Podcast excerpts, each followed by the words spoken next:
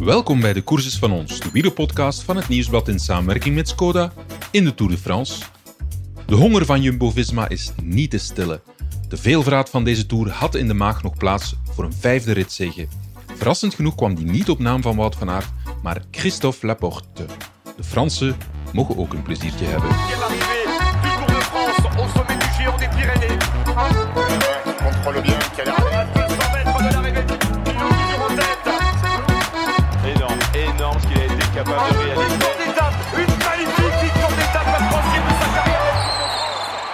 Deze podcast is een specialeke. Ik ben een dag op stap geweest met een man van wie in de jaren 80 heel wat posters in tienerkamers hingen. Erik van der Aarde fietst een fantastisch palmares bij elkaar met onder meer de Ronde van Vlaanderen, Parijs-Roubaix, maar ook de groene trui en vijf etappes in de Ronde van Frankrijk. Sinds tien jaar rijdt hij Vips rond in de Tour. Voorheen voor Lotto Soudal, sinds dit jaar voor Alpecin de Koning. Erik van der Aarde is een man van wie je blij wordt. Hij heeft een glimlach op zijn gezicht gebeiteld en zijn humeur staat altijd op stralende zon. Ik nam gisteren een dagje plaats in zijn VIP-busje met enkele Franse gasten van de Koning en hoopte stiekem dat zijn ploeg in Cahors zou scoren met Jasper Philipsen. Nadat we zo'n 78 kilometer over het parcours hadden gereden langs duizenden enthousiast wuivende Fransen, stopte Van der Aarde om de ploeg bij te staan met bevoorrading voor de renners. Ja, Erik, het is onze tweede stop. Vertel eens, wat was de eerste stop en waarom staan we hier nu langs de weg? Uh, onze eerste stop die doe ik normaal altijd. Dat is uh, ja, gewoon een aperitiefje. Dus het is ondertussen uh, twee uur. Voor de gasten, hè, voor alle duidelijkheid. Inderdaad, inderdaad. ik rij hier met gasten, VIPs bij ons gezegd. Zo goed als heel een tour. Elke dag nieuwe gasten. En ik probeer die mensen een aangename dag, dag te geven. En die dag begint aan de village. Ontbijt, eerst ontbijt met de renners in het hotel. Een hele korte meet and greet. Met de covid moeten we natuurlijk heel voorzichtig zijn en blijven. Dan vertrekken we naar de, naar de start, uh, Village Départ, alles een beetje kijken en bekijken. En dan laat ik de mensen meestal, meestal zet ik ze af in die village en dan uh, doe ik het rustig aan. Een beetje mijn dagprogramma, een beetje bekijken hoe, dat, hoe en wat ik het ga doen. Maar zo heel veel keuze in de Tour heb je niet, omdat je toch met uh, beperkingen zit, reglementen. Wat op zich voor mij het ook makkelijk maakt. Dus hou je gewoon aan de reglementen en dat is het mooiste. Dus ik vertrek dan een goed half uurtje voor de renners uit. Ik probeer die half uurtje een klein beetje om te bouwen naar drie kwartier. En meestal na een half uurtje, drie kwartier, doe ik een korte stop. Aperitief, een hapje erbij. Maar omdat het nu al de laatste week, tien dagen bijna, extreem warm is, uh, word ik ook ingezet door uh, extra water te geven aan de rennen, om renners te, te verfrissen. Het gaat vooral om water. Water, water dat is wat ze nu nodig hebben. Die laatste weken. Ze zitten constant heel een dag eh, dorstlessen, gelletjes te drinken. Heel vaak wordt die bidon gewoon aangenomen. Een goede slok water en de rest van die bidon gaat over het lichaam en die, die bidon verdwijnt dan aan publiek zoals ze zeggen hier. En uh, deze plek die is niet zomaar lukraak gekozen, dus we staan een beetje op een hellinkje. Ja, je moet toch zien waar dat je die uh, bidons aangeeft, hè? of wordt dat van de ploeg uit aan jou uh, medegedeeld? Van de ploeg uit. We hebben een programma, VeloViewer, op de laptop, of sommige op de iPhone. En daar kunnen we het ongeveer het parcours bekijken waar het vlak is, bergop gaat. En dan zoeken we meestal een plaatsje waar het bergop gaat. Daar gaat het vaak iets trager, maar in deze tour heb ik al bergop gestaan dat, dat, dat ik zelf denk van oei, is dit hier bergop? ik, ik, ik, sta een beetje zelf met stress, zo, zo'n peloton dat er gaan komen. Je moet bidons aangeven. Is dat voor jou gewoon business as usual? Is dat, is dat eenvoudig voor jou? Of, uh... Uh, nog wel. Nog ja? wel, ja. Uh, ik weet, de renners weten dat ik hier sta. Ik heb het aangegeven, ze weten exact waar ik sta. Ik weet als een renner die bidon echt wil. het is warm. We hebben wagen 20 of zoiets, denk ik, in het ploegenklassement. Dus de wagen moet van heel ver komen. Het is hier smal. Degene die een bidon wil, weet mij te vinden. Die komt staan. En uh, ik heb er eigenlijk geen stress voor. Als die bidon, bidon gemist wordt, is geen ramp. Ja. Ik sta hier als een extra surplus. Dus dat is een voordeel voor de renners. Maar ik ben ze telkens bijna allemaal, zo, zo, zo, zeker gisteren, had ik zes bidons mee en ik was ze alle zes kwijt op de, ja, op de is populair met deze temperaturen. Inderdaad, inderdaad. Het is, uh, water, water is, uh, is hot. En leg eens uit, een goede techniek. Moet je een beetje meelopen? Hoe moet je het doen? Uh, blijven staan, gewoon blijven staan. blijven staan. Ze komen naar je. Als ze dorst hebben, ze komen echt naar je toe. De renner komt naar je toe. Je geeft die bidon gewoon aan. Hou die vast tot, die, tot eigenlijk die bidon uit je hand gegrepen wordt. Maar ze, als ze hem nodig hebben, ze zullen hem wel, uh, ze zullen hem wel hebben. Klinkt heel simpel. Ja, maar, maar wij zijn het ook gewend natuurlijk. Hè. Ik kom uit het wielrennen, ik heb zelf gekozen, ik heb zelf bidonnen aangenomen. Ik weet niet hoe ze, hoe, hoe ze moet geven. Dus, eh, maar ik weet, als ik vroeg of dorst had, eh, die soigneur of die één iemand die bidonnen aangaf, eh, als je echt dorst hebt, ga je die niet missen. Erik, viel mij ook op, je spreekt altijd over mijn gasten. Jij bent een goede gastheer, hè, zeg. Dat zit echt in jou, hè?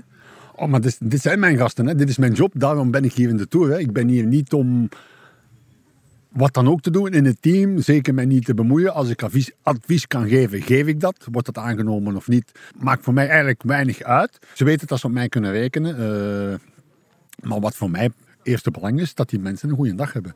Als dat kan afgesloten worden met een overwinning, zoals vorige week zondag, dat is natuurlijk super. Gisteren weten we dat we niet kunnen meedoen om te winnen, maar je legt dan uit aan je gasten waarom. En dan zeggen ze, ah ja, dat is een hele slimme tactiek. Dus gisteren was het alleen voor ons eh, overleven. We hebben niemand in het klassement. Dus het was van belangrijk aan te komen en zo goed mogelijk eten en drinken voor die renners. En dat is gisteren heel goed gelukt. En laten we hopen dat dat vandaag uitdraait in een podium of, of met winst. Laten we, ja, we gaan, we gaan ervoor. Zo simpel is het. Met Jasper, hij is inderdaad, denk ik, toch wel beter de bergen overgekomen dan bijvoorbeeld zeg maar iets een Fabio Jacobsen, hè? Ja, maar een sprinter, eh, een sprinter die, die een vlakke aankomst ziet, een vlakke etappe, die, die, die vod ziet hangen, eh, dan mag je zo dood zitten als een pier. Dat, ja, dat verandert gewoon. Dat, ja, dat gaat open. Dat zijn, dat zijn pure sprinters. En eh, Jasper is inderdaad heel goed. Ik denk, ik denk, en ik hoop voor hem, dat er een poort is opengegaan met die ritoverwinning. Vorige keer, eh, vorig jaar bedoel ik, een paar keer naast gegrepen. Ik hoop dat dit echt de weg naar, naar, naar meer is. Goed, we spreken straks verder. Ik ga vooral jou observeren de techniek om een bidon aan te geven. Goed zo. Allez Thibaut Allez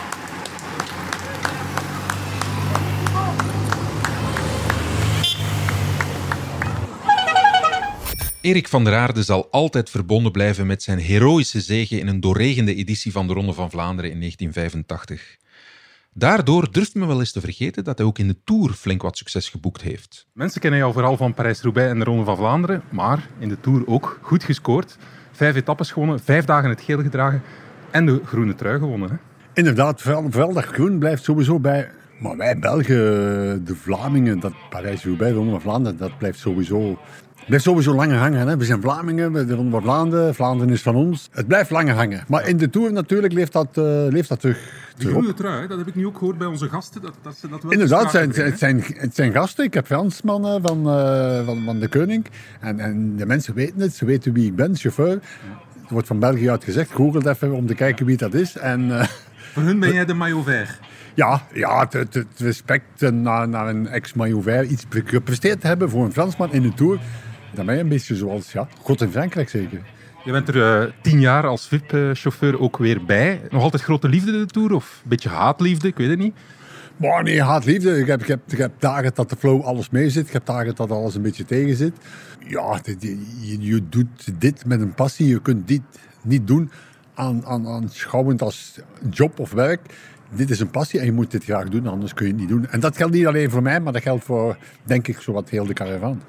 Maar je vindt het nog altijd plezant om deel uit te maken van deze Tour-caravan. Inderdaad, ik zou thuis denk ik, eh, ja, om mij, ah, nee, niet vervelen. Ik, ik heb kleinkinderen, ik heb dingen genoeg mee te doen. Maar dit is, ja, dit is een stuk part of my life. En volgende week eh, ja, gaat, er- gaat, gaat er weer een andere deur open. Dan staat het gras heel lang.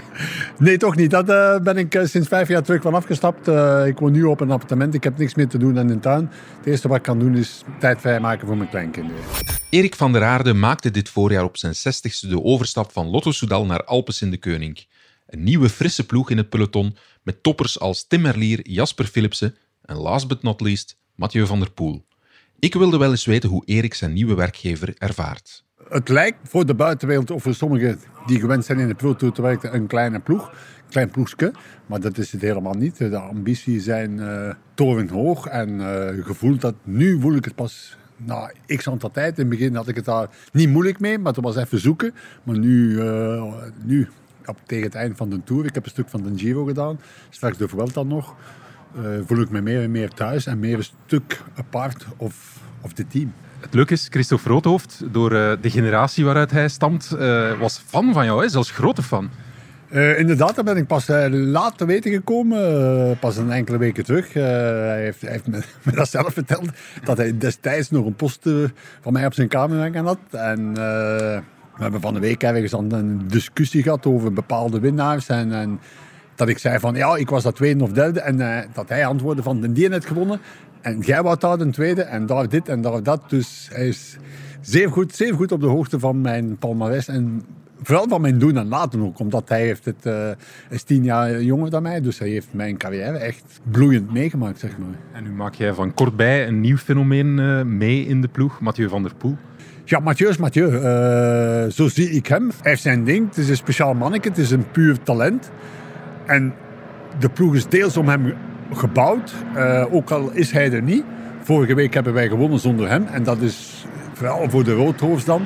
Naar de buitenwereld toe was dat een ont- ont- ontlasting van... Kijk, we kunnen het ook zonder Mathieu. Maar Mathieu is een heel groot stuk van de ploeg. En die draagt die ploeg overal mee. Ook al is hij hier niet. Toch voel je... Je hoort dan in de wagen ook nog af en toe de mensen roepen... Mathieu, ja, het lijkt wel of hij aanwezig is. Niet omdat we gisteren in Lourdes geslapen hebben, maar gewoon omdat het Mathieu is. Er zit een vleugje Wout van Aert in Erik van der Aarde, of evengoed een scheutje Erik van der Aarde in Wout van Aert. Van der Aarde had net als Van Aert snelle benen, een uitstekende tijdrit en kon een bergje op. Maar Van der Aarde is de eerste om toe te geven dat deze Van Aert nog van een andere orde is. En toch, Van Aert heeft nog niet alle hokjes op het palmares van Van der Aarde afgevinkt. Dat wreef Erik er toch even in. Uiteraard met een vette knipoog. Ja, er wordt soms vergelijking gemaakt tussen jou en eh, Wout van Aert, voor goed begrip. Wout van Aert is Wout van Aert ook en eh, Erik van der Aarde is Erik van der Aarde. Maar eh, groene truiwinnaar, ook tijdritten in de Tour gewonnen. Het was trouwens van jou geleden dat er nog een Belg een tijdrit gewonnen had in de Tour toen eh, Wout van Aert dat klaarde. Hoe kijk jij naar dat eh, fenomeen en zeker in deze Tour, want het is overweldigend hè, wat hij doet. Ja, inderdaad. Vorig jaar was er zo even van... eh, ja, kwam dat dus uiteraard te sprake de laatste dag. De laatste Belgische tijdwinnaar was inderdaad ik. En Wout, eh Wout dat af. En puur toevallig zag ik hem diezelfde avond nog. eh passeerde hij waar ik stond aan de bus. Ik zeg, wij al met mijn kopstaf? Ja, ja, zegt hij. Dit en dat. Ik zeg, als je maar morgen maar niet wint. Want ik ben de laatste winnaar in de nationale trui op Champs-Élysées. En, een dag- en een dag later won hij. Dus, eh, maar het is hem gegund. eh, het is al heel lang geleden. En hetgeen wat hij nu allemaal doet, de vergelijking naar mij toe, kun je niet maken. Want Wout is op dat vlak nu momenteel, eh, kan ik niet aan, niet aan tippen. De Ronde van Vlaanderen heeft hij nog niet gewonnen. Hè? Inderdaad nog niet, uh, Parijs-Roubaix ook nog niet. dus ik zou zeggen, Wout, het is nog werk aan de winkel. Je gezin is net als een wielerploeg. We moedigen elkaar aan. En we weten dat we met de tips van onze ploegleider we alle kansen hebben om echte kampioenen te worden. Skoda, supporter van de grootste fietsfamilie. Bij de aankomst in Cahors volgden we samen met Erik de finale van de etappe op een geweldige plek met zicht op de laatste honderden meters. Naarmate Jasper Philipsen en co de finish naderden, steeg de adrenaline toch flink bij de anders zo kalme Van der Aarde. Philipsen had superbenen. Maar toen gebeurde dit. Voilà, c'est parti pour Christophe Allez Christophe, elle est peut-être là la première victoire française, on s'y attendait pas du tout. Allez voilà 400 mètres pour Christophe Laporte, il y va tout droit, chercher sa première victoire sur le Tour fait. de France. Il va 1994. Jackie avait donné la victoire au contingent français, on n'y croyait plus. Eh bien Christophe Laporte va le faire les enfants. Oui, oui Christophe, victoire de Christophe Laporte aujourd'hui. Victoire française sur le Tour de France, comme en 94. Comme. Jackie Durand,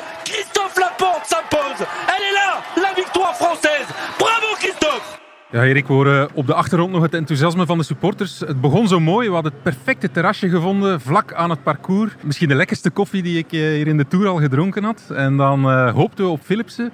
Maar eh, ja, vertel het eens zelf. Wat is er allemaal gebeurd? Goh, ja, wat is er gebeurd? Ja, dat- dat- dat zat er een beetje aan te komen. Dat zag je, hè, dat Laporte daar zat. Wout ging niet meesprinten. Je zag dat hij zijn eigen kans ging gaan. Jasper rijdt, denk ik, misschien een van de sterkste sprinten ooit. Zoals vorig jaar op de, op de Champs-Élysées kwam hij ook net tekort. Nu komt nu dat ook weer. Hij komt er nu bij natuurlijk dat hij al een etappe gewonnen heeft. En dit is een bevestiging. Maar bevestigen met een overwinning zou heel mooi geweest zijn. En je ziet dat hij ja, gewoon op deze aankomst, zo'n aankomst, eh, de sterkste is. Dus eh, laten we hopen eh, dat het zondag kan herhalen. Denk Laporte weg en we spreken hier allemaal over een machtige overwinning van Jasper. Ja, inderdaad, inderdaad. Maar ja, het is, het is zo. Dit is de koers. Eh, wij zijn tweede. Wij- de jongens hebben hun best gedaan. Eh, Oké, het is gedaan. Morgen opnieuw. Morgen hebben we niks te zoeken. Eh, zorgen dat ze goed doorkomen zonder ongelukken, ongelukken en alles op zondag. Je kan dit van twee kanten bekijken. Hè. Ik neem aan dat hij zeer ontgoocheld gaat zijn, maar langs de andere kant toont hij wel weer, heeft ongelooflijk goede spurtersbenen. Dit belooft voor Parijs wel. Inderdaad, dit belooft inderdaad voor Parijs. Maar je kunt, ik zeg het, je kunt nu niks aan doen. Dit heeft niks te maken met een mindere ploeg of geen lay-out. Dit heeft niks te maken. Het is hier man tegen man. Hij is duidelijk de sterkste. Alleen ja, Laporte profiteert van een misverstand vooraan in het peloton. Een, eh, of ja, misverstand. Is geen misverstand. Het is eh, optimaal bekeken van Laporte. Zo simpel is het. Je kent eh, Jasper uiteraard intussen Ja, al een ja. beetje. Hoe gaat hij daar telkens mee om? Kan hij, daar, kan hij dat snel plaatsen of is het toch eerst een nachtje overslapen? Nee, ik heb hem direct gezien na de aankomst in Calais. Dat was natuurlijk echt een domper. Een hele domper, maar, maar, maar, dat maakt hij allemaal goed vorige zondag. En eh, dit is alleen maar bevestiging. Spijtig dat hij niet wint. Maar dit, die sprint winnen. Hij gaat daar zeggen van non de jus. Maar nu al, tien minuten later, gaat hij zeggen van voelen. Hij gaat dat straks zien. Ik ben hier wel de sterkste. Hè? Gaat het zo snel? Hij kan het zo snel die knop omdraaien en dat in een positieve gedachte omzetten. Ik hoop dat wel. En dat brengt alleen maar eh, goede perspectieven naar, naar, naar zondag toe. Maar ik hoop, ik hoop dat echt.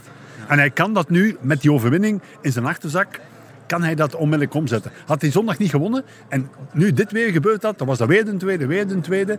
Maar heeft die ritoverwinning, dat gevoel als sprinter, om iedereen uit het wiel te sprinten, kun je niet beschrijven. Kan ik niet vertellen. Dat is gewoon een kippenvleesmoment. Ja, de spanning steeg ook wel een beetje weer hè, bij jou, zag Ja, ik. ja, maar je- ja, je leeft daarmee mee. Hè? We hadden het daarnet over eh Wout van Aert, hoe indrukwekkend die is. Maar ja, het was nu hij niet die spurte, die ploeg ook. Vijfde ritzege. Ja, het is heel de ploeg. Hè. Ze domineren de Tour. Is het mooi voor de wielersport? Ik denk dat wel. Eh, mag dit blijven duren? Dat weet ik niet. Ze zijn de sterkste. Ze, ze, ze bereiden zich goed voor. Ze hebben goede begeleiding. Ze hebben goed alles wat dan ook. Dus het is aan de concurrentie om te zorgen dat ze, dat ze opnieuw kunnen bijbenen. Hè. Ze hebben twaalf maanden tegen de volgende Tour om dit bij te benen. Ja, de tour, de tour is niet het einde van het seizoen. Hè. Er komt nog een WK aan. Wij zelf zitten met een Mathieu. Wat gaat hij doen? WK of niet? Kan goed zijn dat we volgend jaar starten in een wereldboogtrui. Dat zou natuurlijk... Starten in een wereldboogtrui. Nieuw in de Pro Tour. Dat zou, zou heel mooi zijn. Hè. Maar dat is allemaal, dat is allemaal veraf. Hè. Erik van der Aarde, de eeuwige optimist, jij kijkt alweer vooruit. Hè? Inderdaad, inderdaad. Je moet vooruitkijken. In deze omstandigheden moet je vooruitkijken. Eh, de sprint is gedaan. Morgen hebben we niks te zoeken. En zondag kunnen we winnen op de Champs-Élysées. Mag ik jou bedanken voor deze heel fijne VIP-dag. Graag gedaan. Misschien tot volgend jaar. Oh, laten we hopen. Waarom niet? Ik ga er zijn. Une magnifique victoire d'étape, la troisième de sa carrière le Tour de France.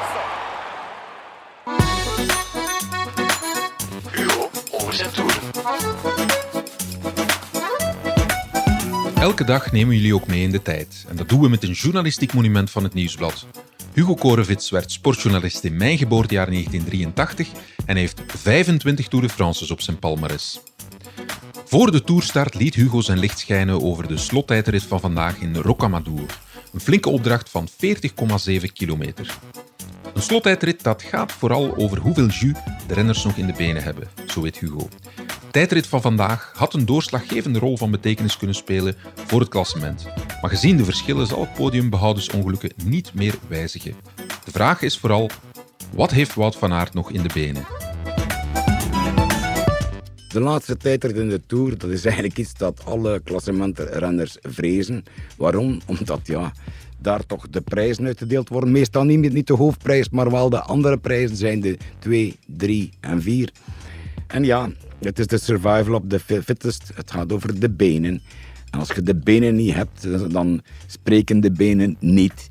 En in dat geval... ehm, nu, dit keer, het is natuurlijk geen La Planche de Belleville, eh, maar het is wel ja, een Rocamadour, een onbekende stad in de Tour de France als aankomstplaats, met op anderhalve kilometer van het nog een leuk eh, kasken, zoals de coureurs zijn, van 8% stijging, eh, gemiddelde stijging. Met andere woorden, als de benen daar leeg zijn, zijn ze leeg. En dan eh, refereer ik niet alleen naar Roglic, maar ook naar Bardet. Ik zie zijn klim nog naar de Notre-Dame eh, in Marseille, waar hij gewoon plomp stil viel.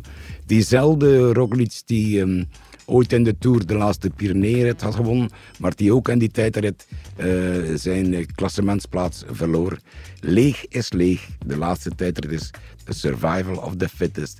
En de fitste gaat naar Parijs op de eerste plaats. We zijn aan het einde gekomen van ons dagelijks uitstapje in de Tour. Ik heb extra genoten van mijn dag in het spoor van Erik van der Aarde. Hopelijk jullie ook.